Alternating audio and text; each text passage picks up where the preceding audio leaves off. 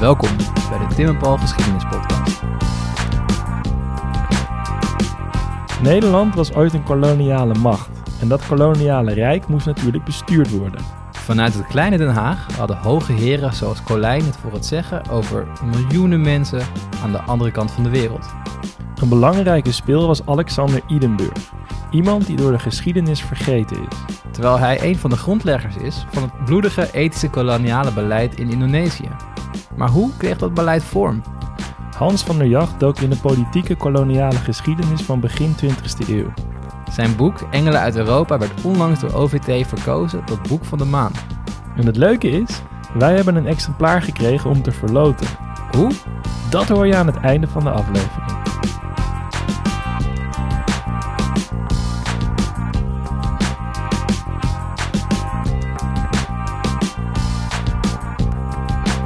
Paul, deze keer een andere plek, een andere studio. Onze nieuwe studio, hè? Ja, Ja, dus we zijn, we zijn verhuisd. naar jou thuis. Naar mij thuis, ja. ja. En we hebben een, eh, een hele leuke gast vandaag. Dat denk ik ook. Ik heb er heel erg veel zin in. Verschillende exemplaren van zijn kloekenboek liggen op tafel. Ja, Dus, vanochtend, eh, vanochtend op het moment van opname, vanochtend uh, recensie verschenen in de NRC. Die ligt ook op tafel. Een goede recensie. Dus dat is heel fijn. Hou mij niet langer in spanning. We zitten hier met Hans van der Jacht. Welkom. Ja, uh, hartstikke leuk om hier te zijn. Ja, Paul, waar gaan we het over hebben? we gaan het hebben over um, kolonialisme en koloniaal bestuur, denk ik. Ja, nee, helemaal, helemaal juist. En dat nee, doen je we hebt je goed ingelezen. Ja, zeker. Ik heb de titel van het boek gelezen. Ehm, en dat doen we aan de hand eigenlijk van de, van de figuur uh, meneer Idenburg. Ja, klopt. En het, uh, het boek wat ik daarover schreef heet uh, Engelen uit Europa. En dat gaat dus inderdaad over uh, Alexander Idenburg, wat uh, nou, pak een beetje 100 jaar geleden een, uh, ja, een belangrijke bestuurder was, waar, ja. waarover we vrij weinig weten. Ja, want mijn eerste, ik heb het boek niet gelezen van tevoren. Ik heb hier nog nooit van gehoord, nee. van deze man. Net toen wij vanochtend over hadden van waar gaat het eigenlijk over? Idenburg, wie?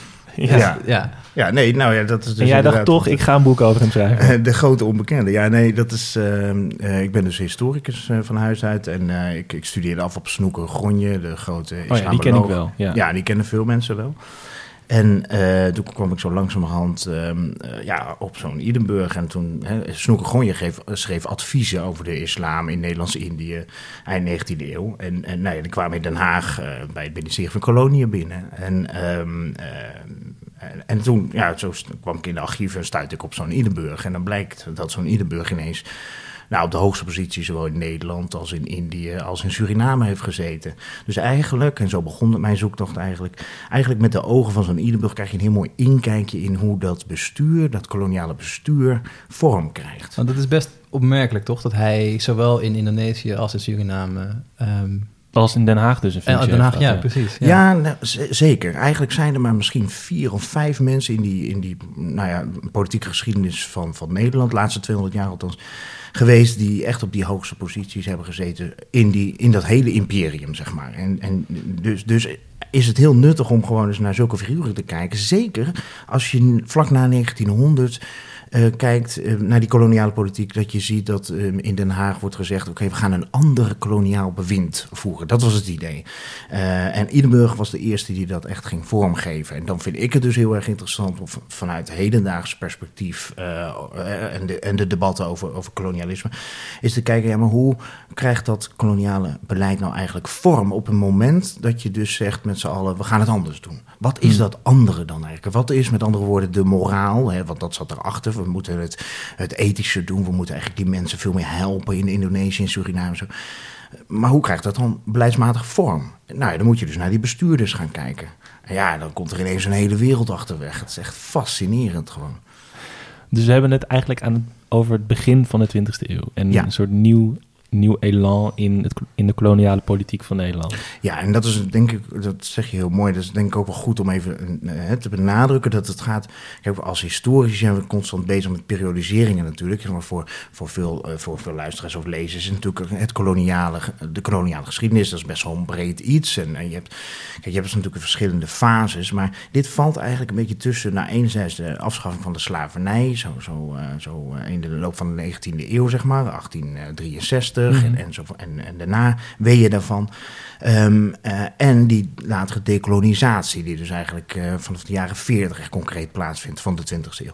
Maar die tussenliggende periode, uh, de periode van de ethische politiek, zoals dat wel later is beschreven, of ethisch imperialisme, zoals vakkenners meestal schrijven, daarover uh, ja, daar is wel uh, door, door historici wel over geschreven. Alleen gewoon de waarde daarvan voor die uiteindelijke decolonisatie. Hè, dus, dus een opmaat na die uiteindelijke decolonisatie. Uh, daarover is minder geschreven, zeg maar. En, en ik probeer dus in mijn inleiding ook te zeggen... enerzijds heb je dus bijvoorbeeld een uh, Van Rijbroek met dat prachtige boek Revolutie. Hè, dat gaat echt over die, die eindfase. En je hebt een Martin Bossenbroek, die een prachtig boek heeft geschreven... De wraak van Dipo Negoro. Hij, hij verbindt eigenlijk die midden- of begin uh, 19e eeuwse opstanden... die op, op Java beginnen met een Dipo Negoro... verbindt hij met die uiteindelijke decolonisatieperiode een eeuw later. Maar die tussenliggende periode, wat naar mijn idee dus een essentiële periode is geweest.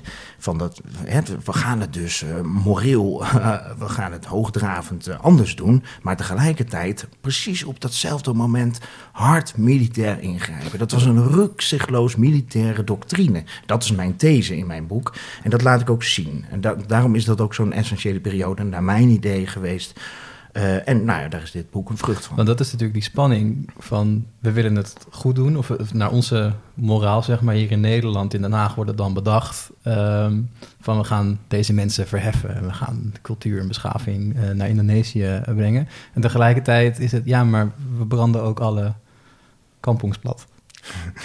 Ja, en, en um, dat is ook inderdaad die, die ambivalentie. Eigenlijk op iedere pagina komt dat een beetje terug in mijn boek. Hè? Dus, dus natuurlijk um, hebben historici al, al geschreven over de, het ethisch imperialisme als zijnde van oké, dat is wel heel xenofoob, nationalistisch, paternalistisch haast. Hè? De, de idee van kijk, wij als westerse mogendheid gaan beschaving brengen. Nou, dat, dat beeld dat kennen we. Um, maar wat mij dan fascineert is dat precies op dat moment dat dat idee dus in, in beleid wordt gegoten, uh, er dus ook um, sprake is van een Aziatische lente of de Oosterse ontwaking, zoals dat destijds werd genoemd. Um, en, en dan zie je eigenlijk met zo'n Idenburg, en daarover was dus nooit geschreven, omdat Idenburg eigenlijk altijd in de context van de parlementaire geschiedenis werd geplaatst. Oké, okay, hij was lid van de antirevolutionaire mm, partij, ja. in de schaduw van een Abraham Kuyper en zo. Um, maar ja, als je er zo naar kijkt als historici, wat men uh, deed, ja, dan, dan valt hij niet zo op. Dan is het een, een grijze muis eigenlijk. Maar als je hem uh, plaatst in die koloniale context, waar hij dus uh, veel meer betekenis heeft gehad, ja, dan zie je ineens van, hè, hoe zit het, wat, wat een fascinerende geschiedenis en wat een bijzondere, opmerkelijke figuur is dit eigenlijk geweest, omdat inderdaad hij dus ook als persoon heel ja, moreel hoogstaand werd omschreven door, door tijdgenoten.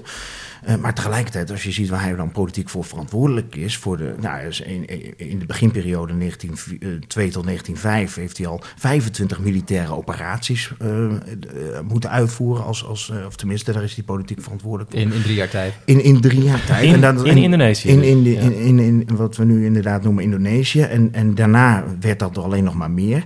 Um, het is dus niet zo uh, dat alleen Atje, waar iedereen het altijd over heeft, Atje, oké, dat werd in 1904 dan gepacificeerd, zoals men dan schrijft vaak. Maar dat is, dat is niet waar. Hè? Dus, dus dat loopt veel langer door.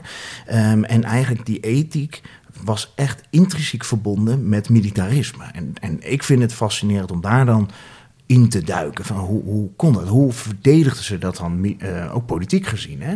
En koningin Wilhelmina, die, die, um, dat, uh, Idenburg was erg loyaal naar het koningshuis...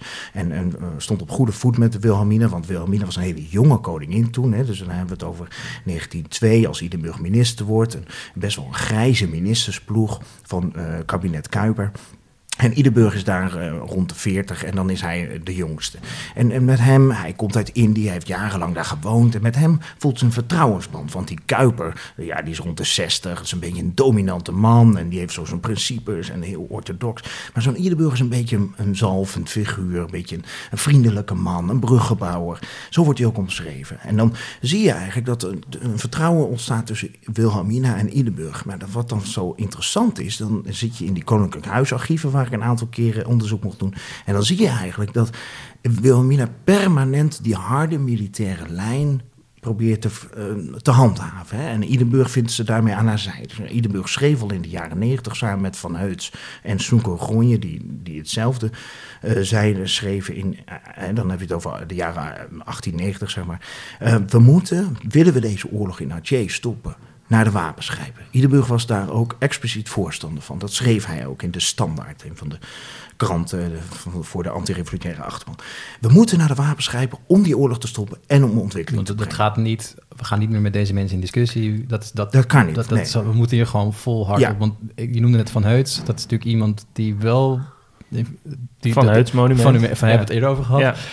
Uh, dat is natuurlijk wel iemand die beroemd en berucht is geworden eigenlijk later ook. Van, nou ja, dit is eigenlijk de manier waarop dat ging. Dat is met, uh, uh, met ja, te wapenen en sabel, blank sabel erop, eroverheen.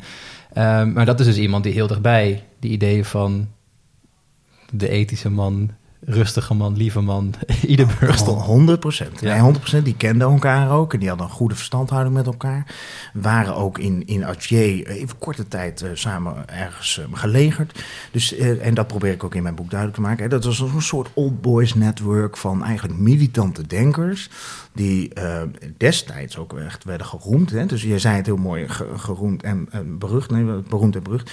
Later dus natuurlijk berucht. Hè. Dat, dat is deze tijd eigenlijk, met name vanuit.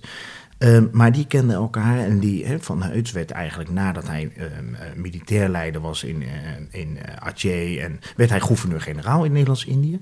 En toen werd Idenburg minister in Nederland. Hè? Dus, dus, en de gouverneur-generaal die legde verantwoording af aan de minister in Nederland. Maar de gouverneur-generaal in Indië had best wel veel um, zeggenschap. Hè? Best een vrije hand. Want ja, je moet niet vergeten, het was natuurlijk hartstikke ver weg. ver weg, letterlijk en figuurlijk. Ja. Dus het was gewoon echt een verre wereld. Um, maar Idenburg had dus als voordeel, en dat hadden niet alle ministers uh, van koloniën, dat hij daar gewoon ruim ervaring had. Dus hij kende die wereld echt. En hij, hij wist, hij, hij voelde ook intrinsiek, we moeten dit eerst stoppen die oorlogen en dan gaan we bouwen. Nou, Van Heuts was de perfecte man om dat te gaan vormgeven, want dat was helemaal een, een, een hardliner, zeg maar. En hij had natuurlijk zijn voor, uh, vooruitgeschoven post, uh, Van Dalen, die, die huis hield onder de Atjeze bevolking. Nou ja, dan is het fascinerend als je er met die gedachten naar gewoon daar eens in, induikt van hoe kan dat dan politiek in Den Haag dus verdedigd worden, wat Iederburg dus moest doen.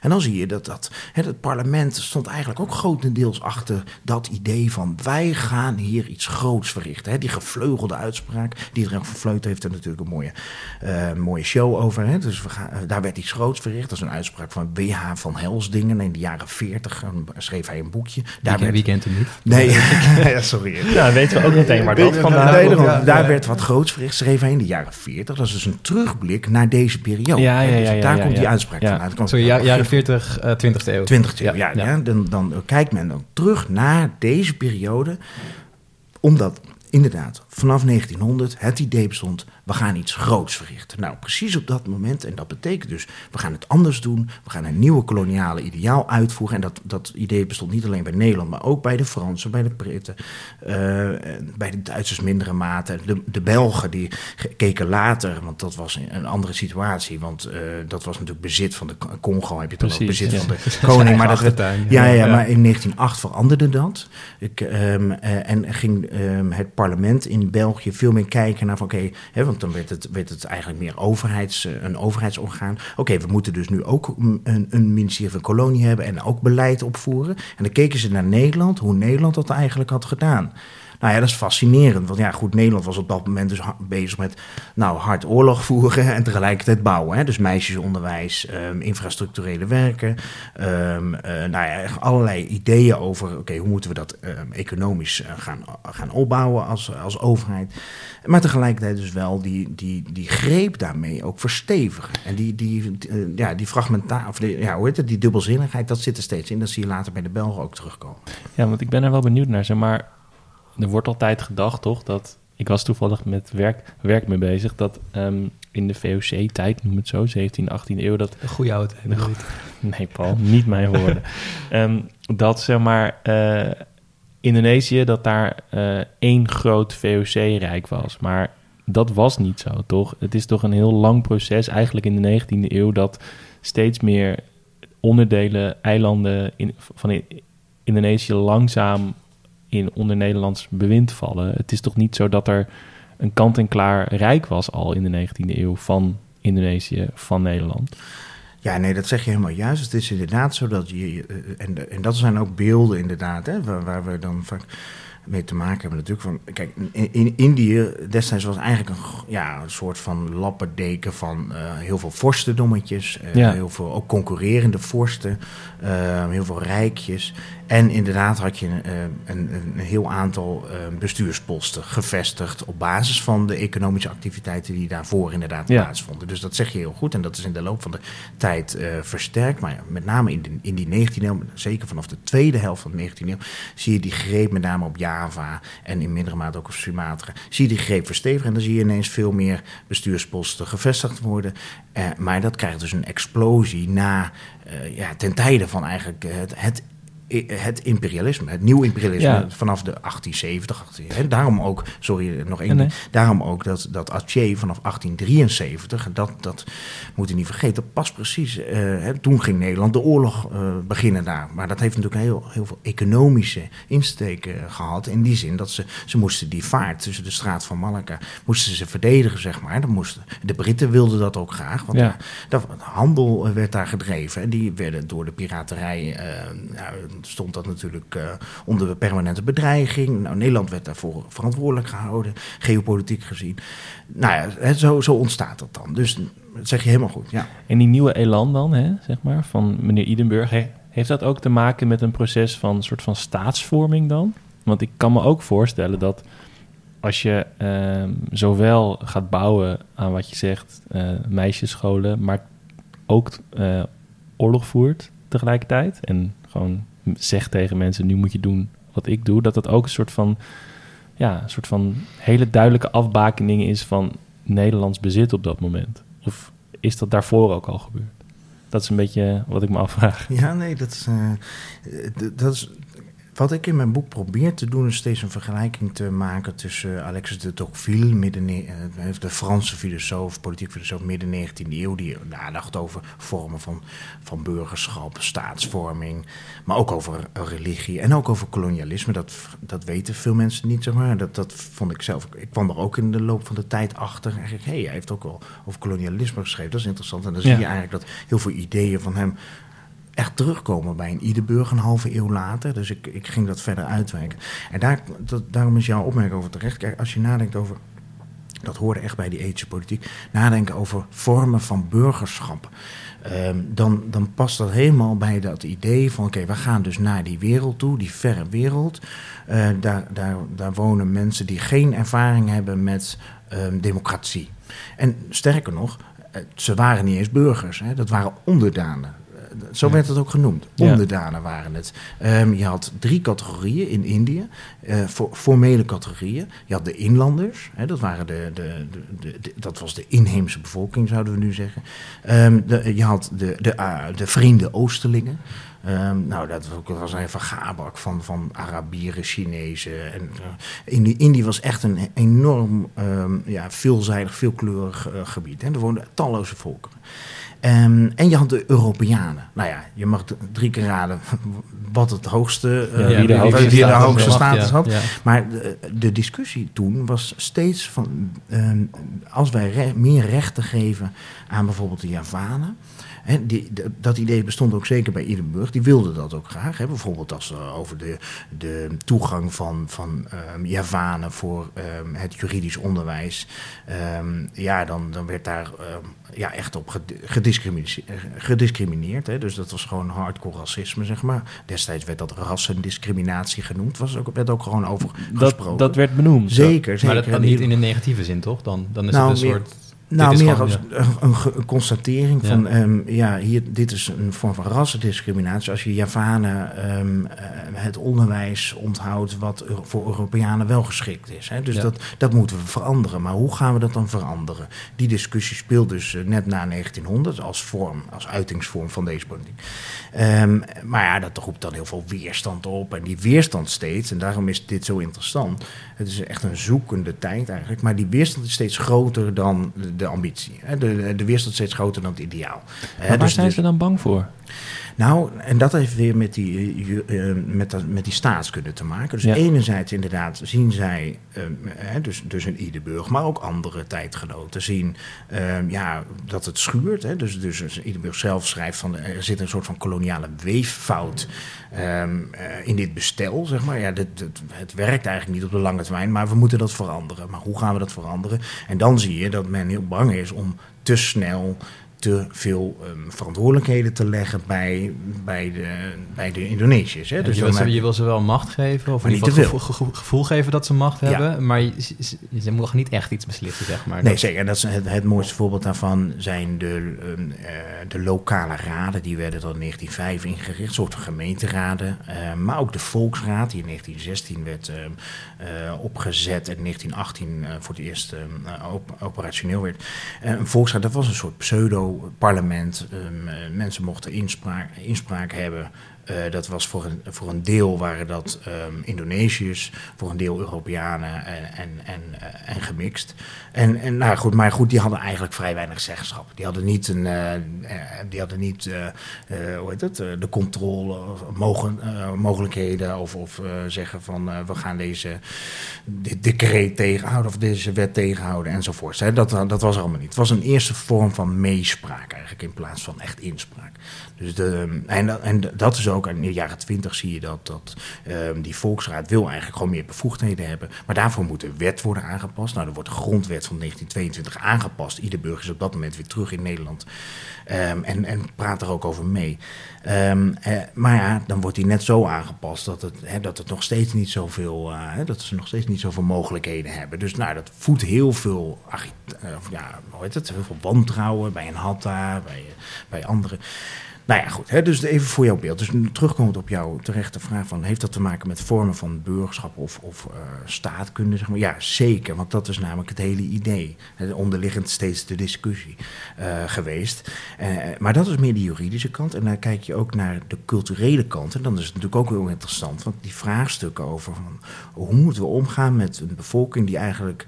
eh, ja, hoe zeg je dat? Eh, onder ons is gesteld. Waar, waarover wij, en dan praat ik nogmaals even in de woorden van die tijd, de verantwoordelijkheid hebben gekregen. En dan zo'n Idenburg gooide daar natuurlijk ook nog een soort van re- religieuze Ja, ja, ja, boodschap achteroverheen, zeg maar. Van ja, we hebben de eh, ja, Gods taak gekregen over, over deze bevolking in Suriname, maar ook in Indië en in, in de Cariben, eh, verantwoordelijkheid te dragen. Dus wij, wij moeten daar, daar moet je niet lichtzinnig mee omgaan. Heel, heel zwaarmoedig. Het is een hele, hele principiële man. Ehm, maar dat vind ik dan heel interessant. Want ja, oh, ja, goed, die man moet toch ook een worsteling hebben gehad of zo. Hoe, hoe kan dat Ja. nou? Hij werd ook gewoon eh, uitgemaakt voor, eh, voor hypocriet en zo. Hè? Met name vanuit socialisten, eh, socialistische hoek. Van ja, goed, als je met de Bijbel in de hand, maar ondertussen wel over lichamen, over dode lichamen Ja. wandelend. Hè? De cartoonisten van die tijd schreven echt, of die tekenden de, zulke cartoons. Idenburg over de staat. Die deden met de Bijbel in de hand over. Ja, nee, maar dat soort dingen. Ja, dus, Dus het was ook in, destijds al gewoon zo van, hé, deze man... eh, ja, wat, wat zeg je, wat, wat doe je nou eigenlijk? Ja, ja. maar dat is ook, dat is inderdaad, en dat is ook, dat zeg je heel mooi, maar tegelijkertijd, en dat vind ik dan weer ook interessant als historicus, hoe kan het dat het Nederlands parlement niet bij machten was om dat te corrigeren? Hè? Dus in het Heb je daar een antwoord op gevonden? Nou, nee, heel veel mensen wisten A, nauwelijks wat er echt gebeurde in Indië. Er waren maar een paar echt specialisten in de Kamer. Eh, en die specialisten hadden vaak ook gewoon belangen in Indië. Hè? Dus een Henry van Kool, zelfs de grote criticaster, de grootste criticaster, eh, een sociaaldemocraat, ja, die had zelf ook eh, commerciële belangen in Indië. En, en, en een Kramer, dat is eh, een eh, fascinerend figuur, daar hoop ik ooit nog eens een keer een boek over te schrijven. Maar dat is ook een minister van Koloniën geweest. En dat was destijds de rijkste man eigenlijk in Nederland. Duin en, Kruidbo- eh, Duin en Kruidberg, dat is een landgoed bij Zandpoort, Velsen Noord. Dat is een beetje de quote 500 van... eh, Nou, zeker. Nee, maar hij werd, 20e ja, nou, echt, dat is geen grap. Dus, maar dat heeft hij allemaal verdiend met ja, de grote plantages eh, in, in, eh, op Delhi, zeg maar, op, Ma- op Sumatra. En, en, nou ja, dus, maar goed, ook hij was een groot voorstander om, de- om de, de bevolking op te heffen. Maar ja, dus, dus er zitten permanent die wisselwerkingen van hoe kunnen we nou dat begrijpen? Ja. Hoe kun je dat nou verantwoorden of zo? Dat is, het is wel opmerkelijk dat, want hij krijgt natuurlijk weerstand dan vanuit socialistische hoek, want dit is ook het moment eigenlijk dat dat... Dat wilde ik net vragen. Er is toch, Dat is ja, een goede vraag. er is Tim. toch altijd een soort, wel een soort traditie van anti... of tenminste anticolonialisme in de linkse communistische hoek geweest? Ja, dat zie je zeker. Ik moet Sorry, trouwens nog een kleine... dat ik dit- dat dat is ik- goed wel wat Nee, dezelfde dat- vraag in. Dat is, Nee, eh, ja, je ziet eigenlijk bij, bij de vrijzinnig liberalen een hele duidelijke ehm, ja, antikoloniale. eh, Een Van Deventer is daar een mooi voorbeeld van. en inderdaad die sociaaldemocraten of socialistische hoek. En later wordt dat inderdaad de communistische hoek. Sorry, dat was een anachronisme, toch? De communisten bestaan nog helemaal niet. Nee, exact. Nee, maar daarom zeg ik inderdaad ook later. Inderdaad, dan zie je dan in de loop van de, eh, de, jaren tien eigenlijk. Hè, dan, dan, en dan in Rusland. Daarom is Ja, ja. mijn boek gaat ook heel veel over wereldpolitiek. Hè. De, de, in de NRC zei dat ook zo mooi, vond ik. Ja, goed, dat het boek, en dat probeerde ik ook expres te doen. Ik probeer ieder burger uit die Nederlandse context te halen... om hem eh, recht te doen zeg maar, in, die, in die context van de wereldpolitiek. Want koloniale politiek is wereldpolitiek. Het gaat over niets anders dan machtspolitiek, geopolitieke verhoudingen. En dat zie je heel duidelijk terugkomen bij die reactie op de Aziatische ontwaking. En die, die Aziatische ontwaking heeft weer te maken met wat er in China en Rusland gebeurt. ja. En dan hè, de opkomst van het communisme heeft daarmee te maken. Maar dat is eigenlijk nog iets later. Het begint eigenlijk met ehm, dat, dat het Nederlandse gouvernement met een ieder burger dus op de voorgrond me- bemerkt ineens... hé, er, worden, er ontstaan massabewegingen hier. De Sarakat Islam, Mohammadiyya, Bo- Budi Utomo. Allemaal bewegingen die ineens ja, opkomen, zeg maar. Even vanuit het perspectief van het gouvernement. Ineens opkomen. Ze worden ermee geconfronteerd rond 1911, 1912. En daar moeten ze wat mee. Ja. En daar moeten ze iets mee. En, en met name als je dan ook nog merkt dat er vanuit China eh, Dr. Sun Yat-sen eh, in Azië aan het rondreizen is en, en aan het werven is voor een grote campagne voor een volksrepubliek China tegen het keizerrijk. En dat keizerrijk is, dat valt om. En inderdaad, er is er in China van, er gaat van alles gebeurt er. Even voor jouw beeld, er zijn de, de boerenopstanden, er vallen ontzettend veel doden. En, en jij zit dan in Batavia, in, jouw, in, in een van jouw drie paleizen, omgeven met een hofhouding. Ja, even voor dat beeld, voor de luisteraars ook. Het is echt een, een bizarre wereld die we niet meer ons kunnen voorstellen. Maar dat het omgeven met pracht en praal. Hè. Dus gewoon een eigenlijk een relatief eenvoudige man die dan eh, min of meer toevallig komt hij daar. En dan heb je ineens een hele, hele hofhouding. En dan krijg je berichten over dat ja, de wereld aan het veranderen is en aan het ontploffen is, bij wijze van hè, in, in China. En je weet, in Indië wonen ontzettend veel Chinezen. Dat weet je op dat moment. Ja. Hè? De Chinezen in de verstrooiing wordt dat eh, genoemd. En, ehm, en die gingen zich ook roeren. Want die, die waren, waren ge- geraakt door, dat, door die ambitie van... oké, kunnen we dus dat grote China bouwen met elkaar? Alle volken, alle Chinese volken van allerlei... ehm, eh, ehm, eh, hoe zeg je dat? Etniciteiten. Die worden dan verenigd onder de, de banier van het, van het Chinese grote volk. China, ja. Het grote China. Nou, daar schaarde een groot deel van de bevolking zich wel achter. En dan zie je dat een Iederburg daar ja, niet goed mee om kan gaan eigenlijk. En die slaat dan die, die opstanden neer. Want hij doorziet inderdaad, en dat had hij dan wel weer terecht gezien... dat daaronder een hele grote maatschappelijke... Ja, vanuit China ook de lange arm van Nanking, eh, zo noem ik dat. Maar hè, vanuit China werd inderdaad dus ook eh, aangemoedigd... werden de Chinezen in India ook aangemoedigd om, om een beetje in opstand te komen. Ehm, dus... Maar ook die, die worsteling met, van, oké, enerzijds dus die wereldontwikkelingen... en anderzijds dus eh, ja, je eigen rijk onder controle houden. Daar heeft het mee te maken. Het heeft allemaal met controle te maken. Het moet toch ook gewoon doodeng zijn als jij zeg maar, prominent lid van de ARP bent.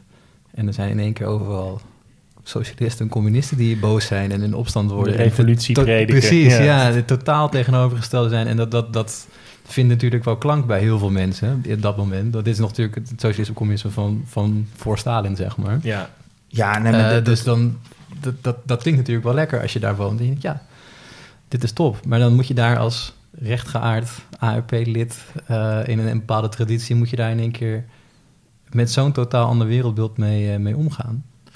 Ja, dat, dit is de kern. Dit, is- zeg jij heel terecht. Ehm, De, de, de kern van waarom Nederlanders en, en dus waarom zo'n figuur als een Iederburg en later ook een Colijn zo ehm, ja, losgingen op, deze ehm, antikoloniale beweging. Dat was omdat ze dit natuurlijk als het grote kwaad zagen. hè.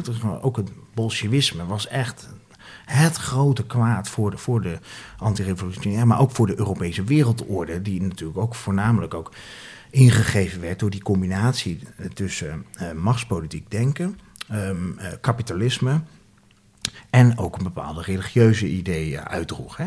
En daarom eindig ik mijn boek ook eigenlijk met de ondergang van Europa. Die ondergang van Europa die werd eigenlijk in de jaren twintig nadat de Eerste Wereldoorlog duidelijk was geworden, ook voor de gekoloniseerde volken. Ehm, eh, oké, ja, Europa is helemaal niet zo beschaafd. Die gaan zelfs met elkaar oorlog voeren, die landen. Ook allemaal niet zo onoverwinnelijk. En totaal niet. En dat bleek al in de, nog eerder zelfs met de Rusland-Japan-oorlog oh, ja, ja, in 1904, 1905. Ja, dat lazen krijgen, ja. Wat? De, de Europese mogelijkheden kunnen dus ook gewoon verslagen worden. Ja, terwijl Japan ook door Indonesië echt als een dreiging werd gezien. Hmm. Maar op dat moment even als voorbeeld van... oké, zie je, Azië voor de Aziaten, Java voor de Javanen. Dat waren gevleugelde uitspraken op dat moment. Dan ga je weer even iets verder in de tijd. Um, uh, in de jaren twintig wordt dus inderdaad na de Eerste Wereldoorlog in uh, Europese leiders worden in toenemende mate geconfronteerd met dat vraagstuk van ja, maar goed, Europa is dus niet voor, de, voor, de toekomst, voor wat betreft de toekomst meer de dominante mogelijkheid. Dat kan het nooit meer worden. Zeg maar ja, nogmaals, terugkijkend vanuit het hele denken we, oh ja, maar dat was nog steeds, uh, dat was nog steeds een hele westers dominerende uh, ja. wereldorde, zeker. Maar ik, uh, ga je naar die tijd, dan zie je die, die, dat, die vraag van, oké, okay, wat, um, wat zijn wij als Europa eigenlijk nog? Wat is onze cultuur eigenlijk nog waard? Als wij heel lang roepen, oké, Europa is de, de beschaving. We, hebben een ethische politiek opgezet, bla, bla. En dan blijkt ineens dat we helemaal niet zo beschaafd zijn. En, nou, en nou ja, goed, daarom verschijnen dan ook uh, rond 1918 en later boeken als uh, Ondergang uh, van het Avondland, hè, als, als, wat, als wat Spengler en Idenburg.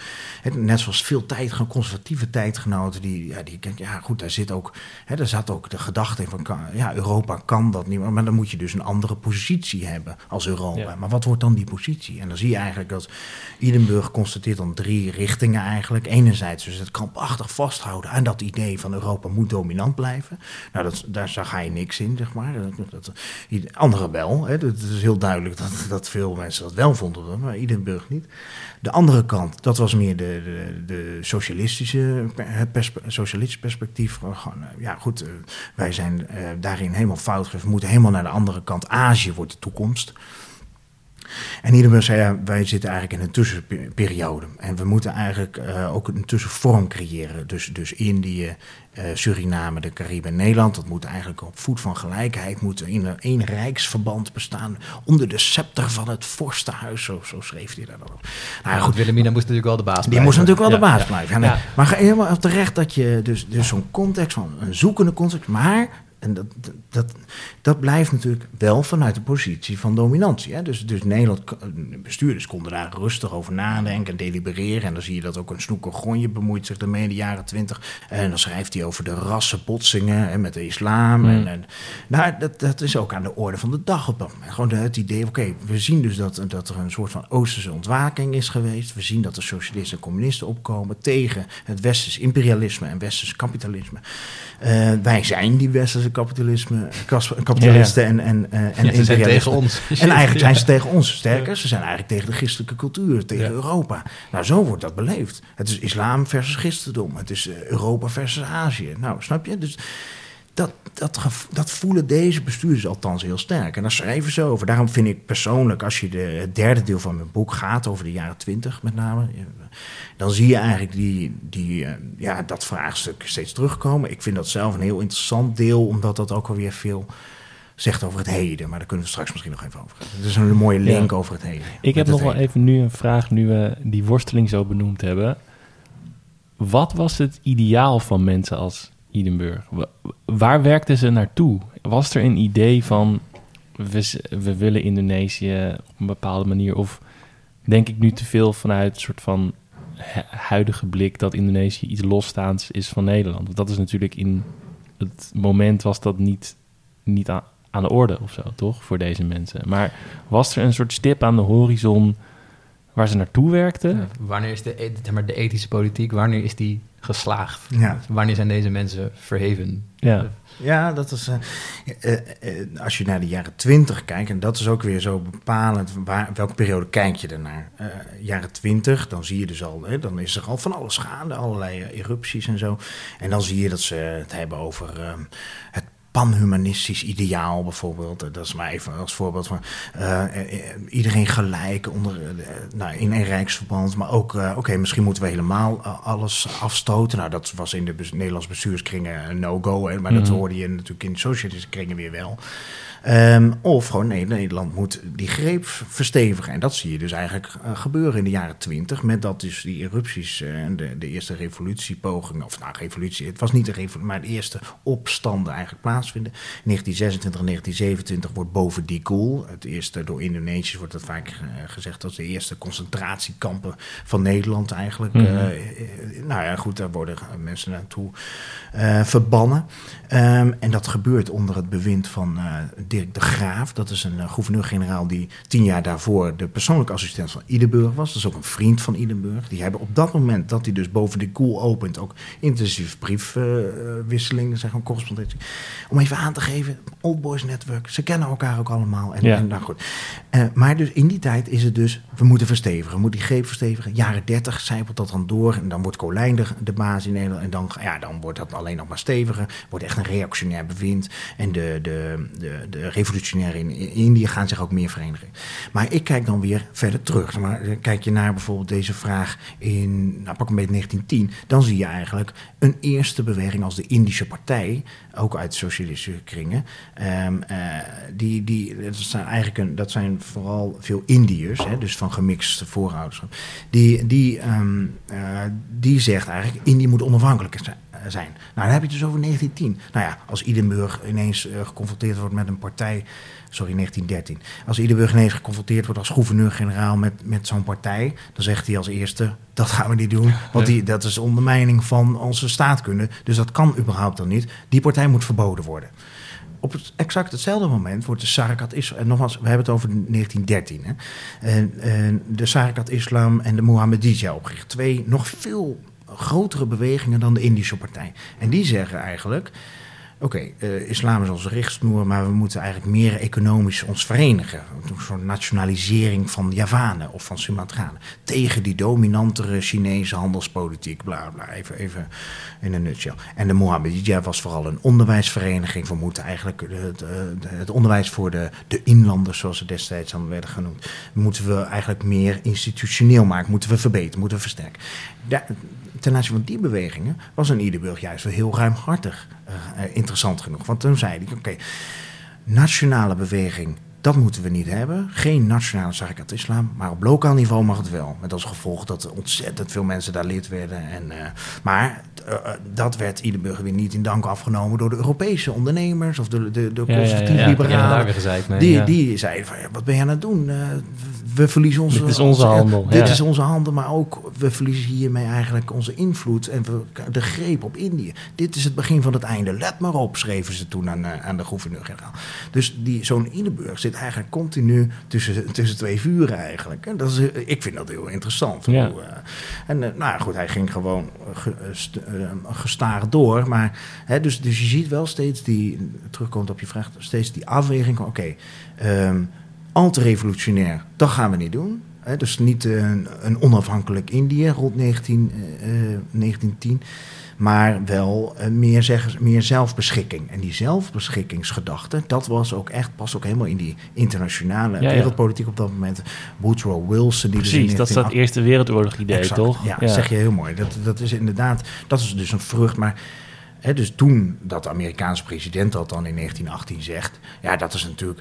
Kijk, de, de, de mensen in Indië waren er al veel langer mee bezig, ja, met name de elite. En in Japan was men daar eind 19e eeuw al echt veel, veel nadrukkelijker mee bezig. Nou, Japan heeft natuurlijk een hele andere rol ten aanzien van dat kolonialisme gehad. Dus vanuit Japan zie je zo die beweging ontstaan, vanuit China, wat ik al zei. En in, in Indië wordt dat dus dan ook steeds groter. En dan is eigenlijk uh, de vraag om meer zelfbeschikking steeds onderliggend aan alles wat er gebeurt. Maar maar er zit echt een wezenlijk verschil uh, tussen eind jaren 20 en, en nou pak een beetje jaren 10. Hmm. En ik heb het met name dus over die jaren 10 in aanloop naar de jaren 20. En dan ga ik verder naar die uiteindelijke decolonisatie. Maar die jaren 10 vind ik een hele fascinerende periode, omdat daar is weinig over geschreven eigenlijk. Terwijl daar ligt de kern, naar mijn idee, van die latere um, revolutie. Ja, want dat is een dat mooi bruggetje. Precies. gaan, we, gaan we meteen op inhaken. Paul, Vertel, jij hebt hier vast een vraag over. Nou ja, we hadden het hier vanmorgen weer, over. Ja. Afkapt. Ja, de, de, ehm, de, is, er een, is er een lijn tussen die ethische politiek en die situatie van, de- van de jaren die jij net beschrijft en dan de manier waarop Nederland omgaat met de, de decolonisatieoorlog of de, de jaren, zeg maar de, de, de tweede helft van de jaren 40 in Indonesië? Ja, ik, ik, zie, ik zie die lijn inderdaad. En dat probeer ik dus inderdaad eh, in mijn boek eh, naar voren te brengen, zeg maar. Eh, nog even wat ik nog ten aanvulling, dan wordt het dit ook misschien duidelijk. Zeg maar, men zegt wel dat eigenlijk in die eind jaren twintig het einde van die ethische politiek, eh, bedoel, formeel, eh, of schrijft men over de periode 1900 tot 1940, ethische politiek. Maar eigenlijk zie je dat met die kentering van, van nou ja, we kunnen die, die ethiek niet langer vasthouden. Het wordt echt een, eh, een hard reactionair beleid. En dat begint eigenlijk eind jaren twintig nog sterker dan dat het al was. Eigenlijk is het een permanente staat van oorlog. Dat is eigenlijk heel simpel Ja. gezegd. Maar de, ja, goed. Ehm, ja, nee. Dan zie je eigenlijk dat in de jaren 20 en 30 ideeën worden ontworpen over, ehm, eh, ja goed, eh, hoe, hoe moeten we nou die toekomst zien? Hè? Een soort van kolonialisme voor de toekomst. Ehm, we moeten ze misschien, eh, de, de, de, de volkeren die onder ons bestuur staan, moeten we misschien meer, meer zeggenschap geven. Maar nou, op welke manier moet het dan vorm krijgen?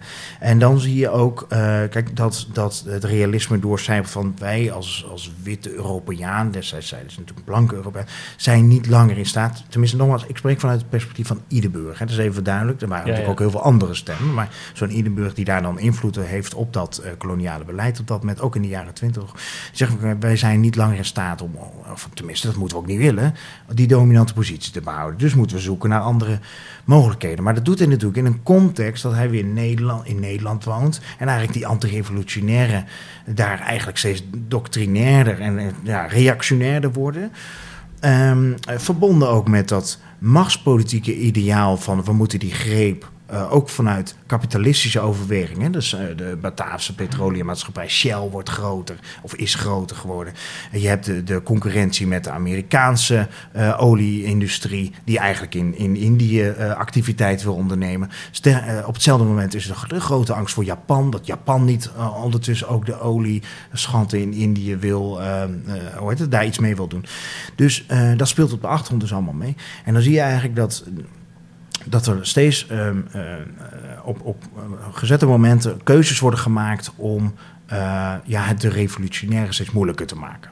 Dus een Hatta en een Sukarno die je dan iets later komt. Maar ook een Shahriar en andere. Chocro Aminotto. Chocro Aminotto is eigenlijk de, de- dat is ook wel interessant. In 1911 richt hij dus die Zarakat Islam. Hij wordt eigenlijk gezien als de, de founding father van Indonesië. In Indonesië is hij mateloos populair. Het is een Indonesische volksheld. En er is in, ne- in 2011 ook een prachtige film over verschenen. Chocro Aminotto. En hij stond op goede voet met Idenburg. Dat is dan heel interessant. Ja. Hè? Dus uh, toen- toen hebben we het dus over rond 1910. Ehm, maar veel later ehm, zie je bij hem ook gewoon ja, ehm, ja, hoe is irritatie over de houding van Nederland. Nederland is heel erg voorzichtig en wil eigenlijk die, die Zarakat Islam op het moment dat ze dus wel nationaal worden, ehm, eh, ja, steeds meer indammen. En, en, hè, dus er is steeds een wisselwerking tussen enerzijds die ambitie van de, de Indonesische ehm, emancipatiebewegingen en anderzijds het, het eh, toenemend eh, grip hou, willen houden van Nederland. En dat gaat uiteindelijk mis. Maar ja, dat ligt dus in de jaren twintig. Ja. En tweede wat ik nog eh, hierover wil zeggen is de, als opmaat naar die uiteindelijke decolonisatie, is dat militair gezien, eh, ook in de jaren dertig, dan wo- wordt Idenburg voorzitter van zo'n commissie ehm, eh, voor de defensie, hervormingen. En ehm, ja, hij, hij was ook van huis uit militair. En, ehm, eh, en dan zie je eigenlijk dat ja, economische crisis van de jaren dertig, dat, dat een Idenburg doet zulke dras, samen met zijn commissie uiteraard, doet zulke drastische voorstellen om de krijgsmacht in Nederland en in Nederlands-Indië nou zo'n beetje te halveren, zeg maar. De Nederlandse regering die gaat daar deels in mee, neemt die alle, alle adviezen over, maar wel grotendeels. En dan zie je eigenlijk dat Nederland en Nederlands-Indisch Ne- Nederlands-Indië zo verzwakt worden, militair gezien. eh, wat ze op zich al waren, maar toen nog meer. Dat zes jaar later het voor de Duitsers en, en, en de Japanners, eh, acht jaar later. Eh, ja, een piece of cake was om, eh, om zowel Nederland als Nederlands-Indië eh, in te nemen. Wat ze misschien anders ook wel, ja, gelukt hoor. hij dat maar- voorstel dan? Een beetje zijstap. Maar waarom denkt hij, we hebben... Nou, dat kon niet anders. Dat is ook, wat probeer ik eh, in mijn eh, laatste hoofdstuk uit te leggen. Idenburg wordt dan door, door Colijn gevraagd van... we moeten overal op bezuinigen. Defensie is, is, eh, is ja, wil jij dat? Die man is dan 73 of zo. Dan, nou, ja, loyaal als die is, eh, eigenlijk, nee, dan gaat hij dat doen. Ja, Eh, ook wel een beetje tragisch, toch? Ik bedoel, Ja. ja, dan ga je dat doen. En dan, eh, maar goed, ja, dat wordt hem ook kwalijk genomen. Eh, hè, dus, dus ja, ik zie de parallel een beetje met Defensie nu, toch? Nou, Laatste, dat is- dat is laatste een- tien jaar ja. gekke bezuinigingen. Ja. Dat ze toch op een soort wintertraining zelf maar even naar Bever eh, sport moesten. En dan nu gek, gek weer meer budgetten Ja. en toestanden. Nou, dat is, dat is een mooie brug die je maakt. Want eigenlijk, ehm, als je weer even teruggaat in de tijd, rond 1900. Ehm, is het juist allemaal militarisme. Hè? Hmm. Als je kijkt naar de begroting van Nederland en Nederlands-Indië, een substantieel deel gaat Ja. naar ehm, ofwel het ministerie van de Marine, ministerie van Oorlog, ministerie van Koloniën, waar ook nog een defensiebudget in zat. Dus hoeveel, er wel niet, hoeveel geld er wel niet gaat naar, naar oorlog. En dat heeft ook wel weer te maken met die internationale ontwikkelingen. Het is- Hmm. was echt spannend. Hè? Er was een opmaat en nu, nu hebben we vaak ook, dat hebben jullie misschien vroeger ook eh, in de les wel gehad, ehm, ehm, hè, de opmaat naar de Eerste Wereldoorlog. De hè, wapenwet. De, Ja. de Het wapenwet. is een nou, ja. onvermijdelijkheid dat, dat die, eh, die onweerstorm zeg maar Ja, en Christopher ja. Clark heeft er een prachtig boek over geschreven. De slaapwandelaars Ja, ja, en ja, ja. sleepwalkers. En, en, maar dat, dat zie je dus ook in de archieven terug. Zeg maar, hoe, hoe er wordt daarom werd ook Idenburg aangesteld. Idenburg had veel ervaring op koloniën. Had veel ervaring als militair. Ehm, eh, en hij, ehm, ja, hij wist eh, eh, dat een beetje te verbinden ook. Zeg maar, hè. Dus die, hij kende die Indische of de koloniale wereld van binnenuit. En dat, de- nogmaals, in het parlement waren er niet zoveel mensen die dat, eh, Die dat echt kennis wisten, ja, ja. Nee, dus dan, en dan heeft zo'n persoon ook best wel veel ruimte voor zijn. Hè. Dat wordt ook gezien als, oh, dat is echt een, Een kenner Een, kenner, zeg maar. Maar dat is ook gevaarlijk in die zin dat men dus ook, het Nederlands parlement gaat daar ook in mee in dat narratief. En dat zie je weer, vind ik, eh, heel ja, tragisch misgaan in, in die eerste tien jaar van die ethische politiek. Waarin, eh, ja, dat is een militaire doctrine wordt uitgerold. En dat dus het hele parlement daarin meegaat in dat narratief op enkele staan nog, uitzondering. nog net niet te klappen. Ja. Nou, Nee, echt, ja, goed. Wel, Er stonden wel ja. te klappen zelfs. Ja, nee, er wordt weer... Nou, nee, Wilhelmina in 1902, de bestuurspost in eh, Nieuw-Guinea... een derde bestuurspost wordt er dan geopend... en zij in haar regeringsaantekeningen vol lof... Over, hoera, er wordt weer een... eh, er, hè, weer We hebben iets, weer een eh, we hebben weer iets Ja. erbij, zeg maar. Terwijl de Britten dan denken...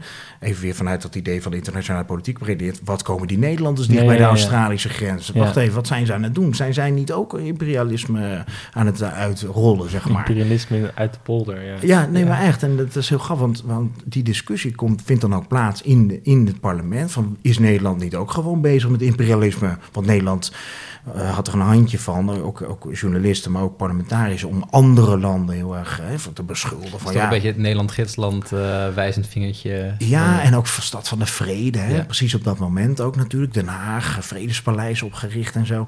En dan hè, is Nederland daar ook niet gewoon mee bezig. En dan komen de eerste signalen van dat er inderdaad stevig wordt huisgehouden in Alger. En dat wordt notabene niet als eerste in Nederland geagendeerd, maar in het Britse parlement. dat een Brits, eh, Britse lord zegt van wat zijn die Nederlanders daar allemaal aan het doen. En dat wordt uiteindelijk in Nederlandse kranten komt dat dan ook terecht. En dan ontstaat er pas debat. Hè, dus niet op voorhand, maar pas daarna. En dan zie je eh, binnenskamers dat een koning, eh, koningin Wilhelmina ook Idenburg weer uitnodigt voor gesprekken. Ze hadden heel veel met, met elkaar, heel veel gesprekken.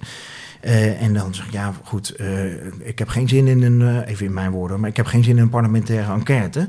Want wat die kranten schrijven, dat is allemaal, dat is allemaal sensatiezoekerij. We gaan die lijn vasthouden, de lijn van Van Heuts en Van Dalen. En Van Dalen, by the way, die moet ook toch eigenlijk maar commandant van het Nederlands-Indisch leger worden. Want het is zo'n aimabele man. Ja, dat schrijft zij allemaal. En, en Idenburg ja, is het daar ook wel mee eens, zeg maar. Maar om even aan te geven, hè, dus Idenburg gaat dan in het parlement. In 1908, als er een grote discussie hierover plaatsvindt, eh, ga- spreekt hij ook in het parlement. En dan, eh, dan heeft een Henry van Kool heeft dan wel een motie van wantrouwen op zak. Maar dan schrijft hij dan, gaat hij dat niet indienen omdat de minister zo goed gesproken heeft. Oh ja. Nou, om even aan te geven, hè, dus, ja, we kunnen dus wel zeggen met z'n allen, hè, ja goed, eh, de, de minister of gewoon die context of een Van Heuts of een Van Dalen. Ja, maar eigenlijk de hele Nederlandse bevolking, een groot deel van de Nederlandse bevolking en een groot deel van het parlement stond helemaal achter dat idee van wij gaan iets groots verrichten. En oké, er vallen slachtoffers en ook burgerslachtoffers. Maar hè, dus het Ja. ideaal was eigenlijk zo Zeg maar, dominant. De, de, de flauwe opmerking van dat die mensen daar doodgaan... is het risico wat wij willen nemen, zeg maar. Nou ja, Het, daar komt het op neer. En dat is Ja. natuurlijk een ver van je bedshow ook. Hè? Dus, Ja. dus het, het, het, ja, goed, dat komt dan in kranten, werd er dan eufemistisch over geschreven natuurlijk. Van eh, ja, een expeditie, hè? Dat, dat, of, of een, eh, een zuiveringstocht. Nou, heel af en toe kwam dat dan toch maar niet zo.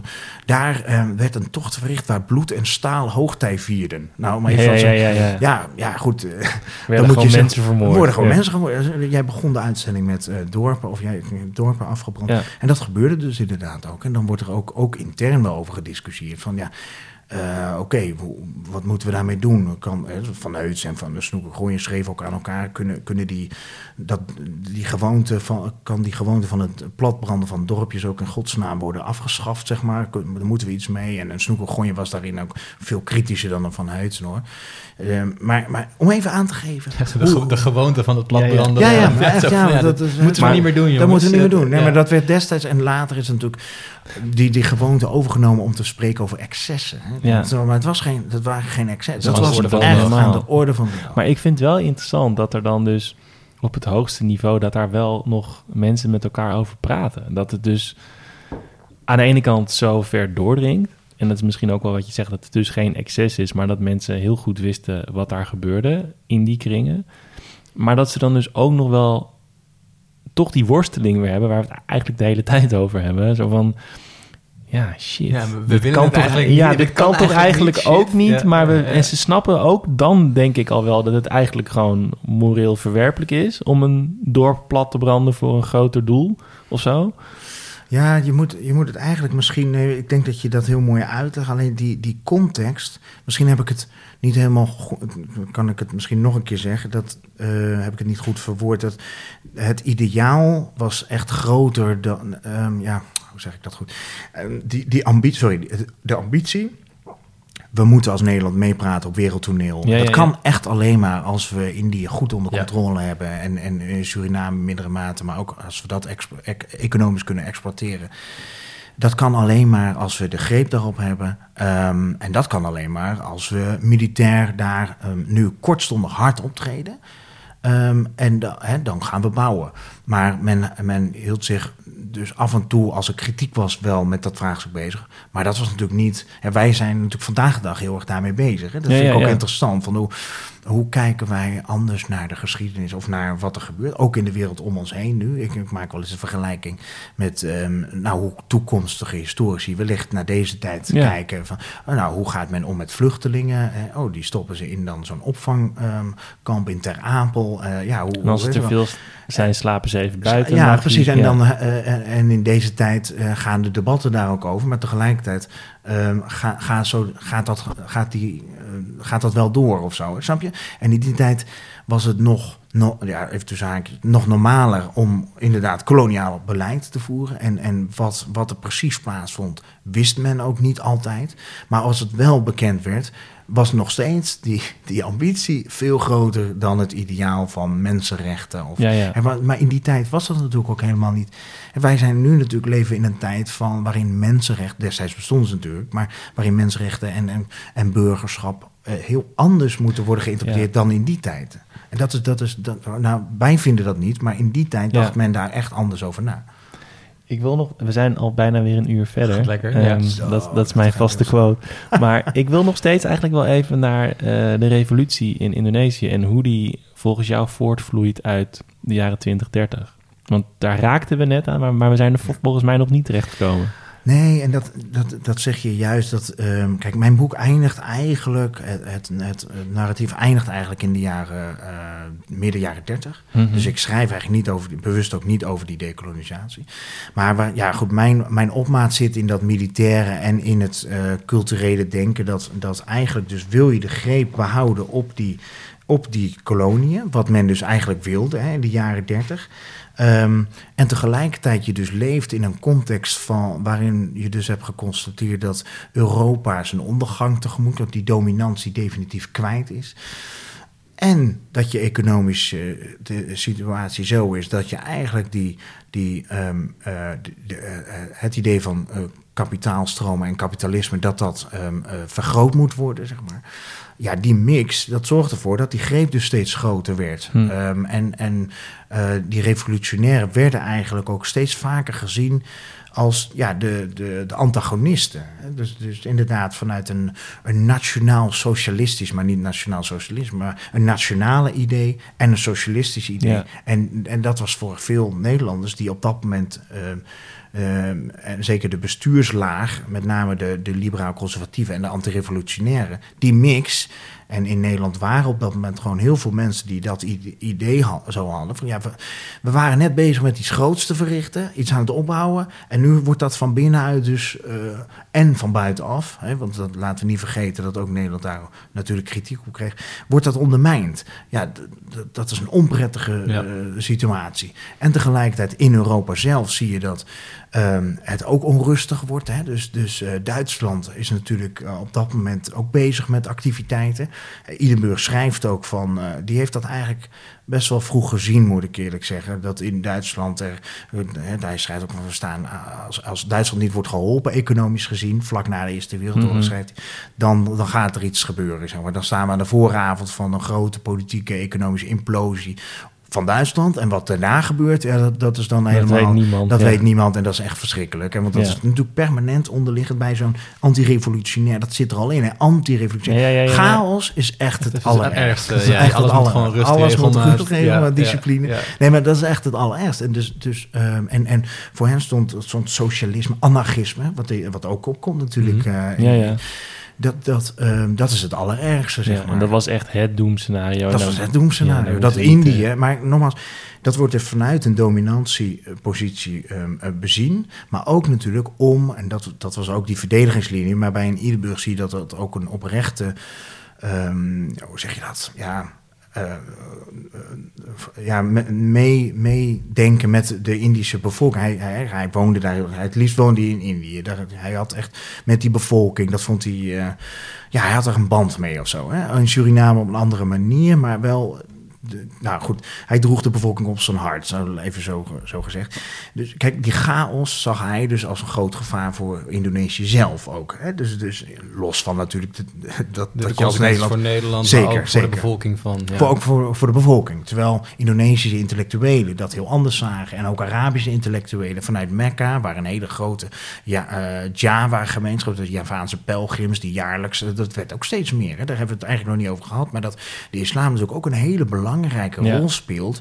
En Iederburg stond eigenlijk uh, stond helemaal niet vijandig tegen, zeker niet tegen de Indonesische islam, wat natuurlijk een andere, ander soortig islam is dan, dan de, de Arabische versie. In, in, in, uh, in Arabië, zoals dat destijds heet, vonden ze eigenlijk dat de Indonesische uh, moslims eigenlijk aan de randen van de Umma, de wereldgemeenschap van, van moslims, stond. Omdat ze eigenlijk nog veel meer aan voorouderverering deden. Veel hindoeïsme en boeddhisme Mm, qua ja. invloeden in zich droegen. niet, niet puur, zeg maar. niet puur ja. inderdaad. En die salafistische en pan-islamistische ideeën die vlak na 1900 steeds eh, populairder worden in de islamitische wereldgemeenschap, die komen ook in Indië aan. En ja, goed, daar, daar worstelt Idenburg mee. En daar heeft hij gesprekken met, eh, met eh, nou ja, de, de honorair consuls van de islamitische gemeenschap, die ze dan op dat moment Hmm. in dienst hebben. En, oh, ja, ook weer om dat gesprek aan te gaan, maar ook alweer de worsteling. En dan zie je uiteindelijk ook daarin een Idenburg heel ja, militant denken. Oké, eh, iedere vorm van, van nou, wat neigt naar een, een, jihad of een, eh, een politiek islamisme, dat moeten we keihard eh, neerslaan of, onderdrukken, moeten we tegenhouden.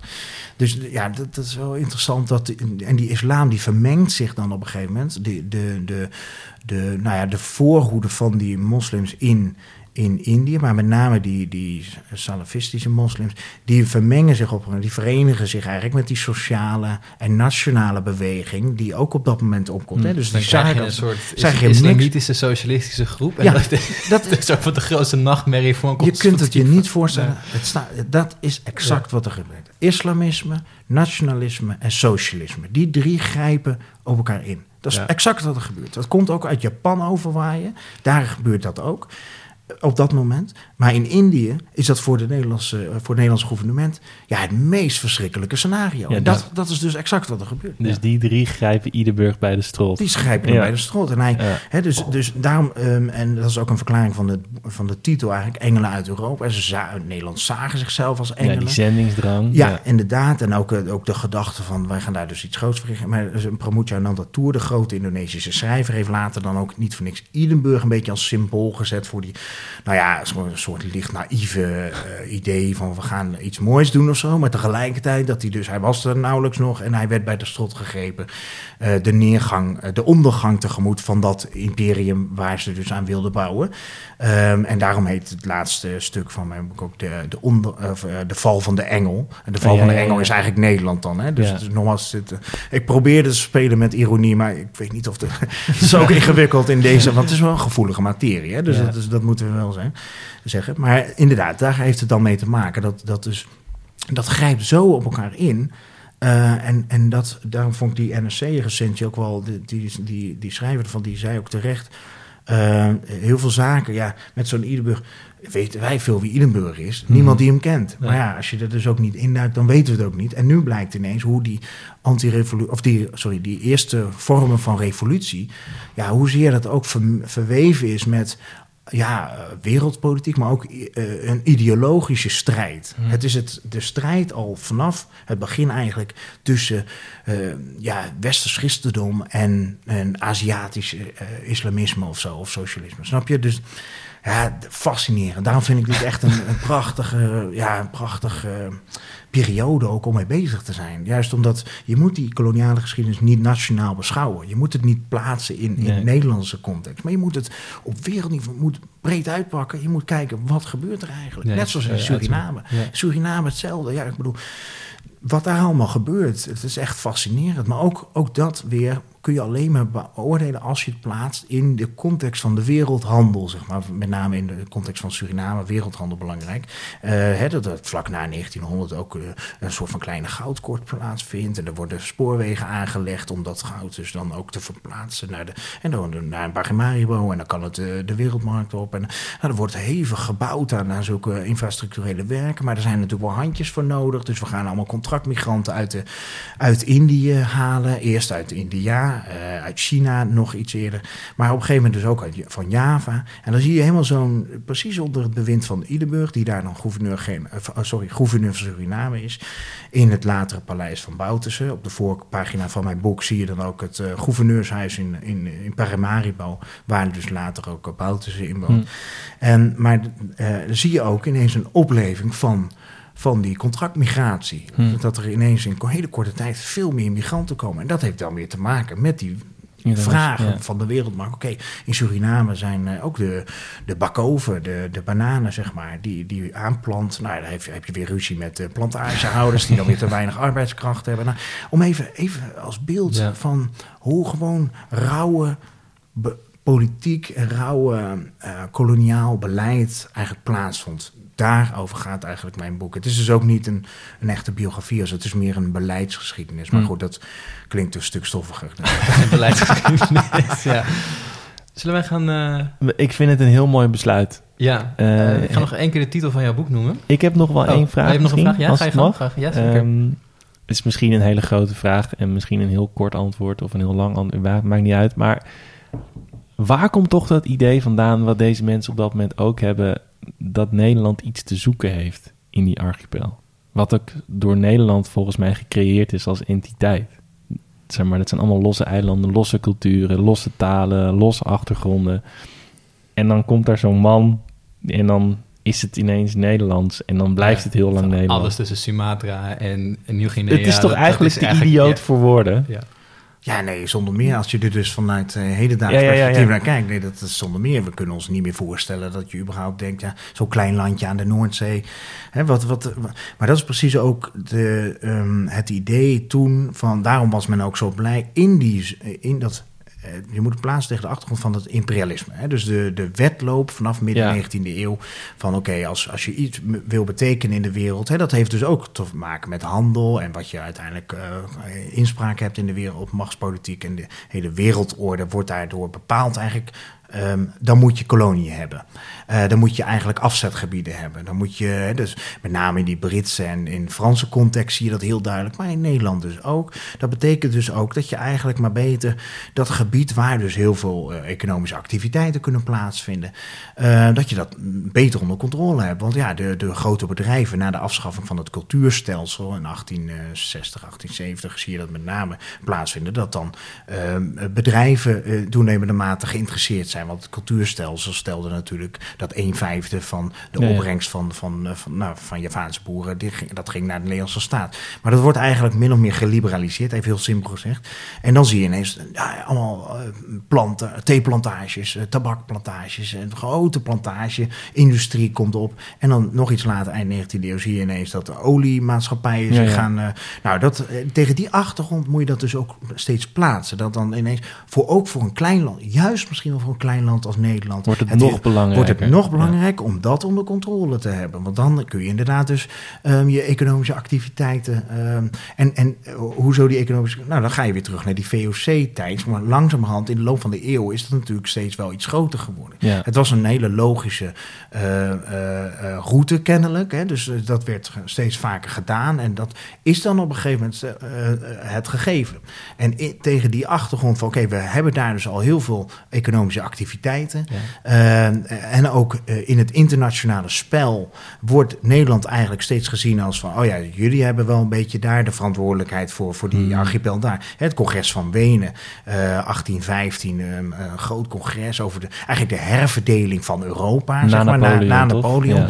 Er werden ook natuurlijk de, de, de, de koloniën meegenomen. Ja. Hè, van oké, ja, jullie eh, in, in Indië daar zaten de Engelsen, omdat nog iets verder terug Nederland daar, eh, doordat er gedoe was in Nederland natuurlijk eh, met de Republiek. En hè, dat, Nederland had daar geen controle meer over. Engelsen hadden dat, nou, die gaven dat dan even terug. Ik, nogmaals, ik zeg het veel te simpel, Ja, maar ja, even voor je beeld. En in dat congres van Wenen wordt dan ook besloten van oké, hè, goed, Nederland die gaat daar eh, zijn activiteiten verder ontplooien. En, nou ja, goed, en dat gaat Nederland dan ook doen. zeg En dat maar. blijft dan gewoon. En dat blijft dan ook zo. Ja, maar dat is gewoon ook alweer machtspolitiek denken, wat wij natuurlijk helemaal niet kennen Nee. hè, vandaag de dag. En je kunt je ook niet voorstellen, dat werd dus vaak ook gezegd, wat zou Nederland zijn zonder Indië? Een klein landje, niet zeggend aan de Noordzee. Dat werd ook gewoon zo geschreven, zeg maar. Dus precies wat jij zegt, dat, ja, dat was juist de reden om daar Om te blijven te nou, sterker uit te bouwen zelfs. Ja. Ja, nee, dat zeg jij heel mooi. Ja. Dus dat, dat is even op de achtergrond. Maar goed, ik, ik ben veel te, hoe zeg je dat? Eh, kort door de bocht hoor. Het is, het is heel, heel maar, complex. Ja, maar dan moeten we het boek misschien maar Precies, gewoon ja, als je meer wil weten. Hoe heet het boek ook alweer, Ga lekker Paul? het boek lezen. Engelen uit Europa, AWF Alexander? Alexander Willem Frederik Idenburg. Tuurlijk, klassieke naam. Alexander Willem Frederik Ienburg en de moraal van het Nederlands imperialisme. Hans, Ja. ontzettend bedankt. Nou, jullie bedankt. Ik vond het ontzettend leuk om hier te Nou, wij ook. van de hele comité hebben we heel erg bedankt.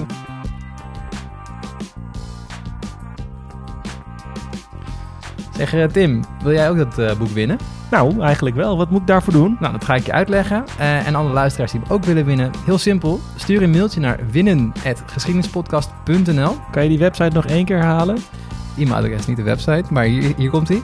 Winnen.geschiedenispodcast.nl En stuur voor 1 oktober van dit jaar, 2022, een mailtje om mee te doen aan de verloting. En als je dan toch bezig bent, ga dan meteen even naar onze petje.af pagina om ons te supporten. En er was ook nog een webwinkel, toch? Er was ook nog een webwinkel, het is bloedheet buiten, maar we hebben sjaaltjes. En tasjes, toch?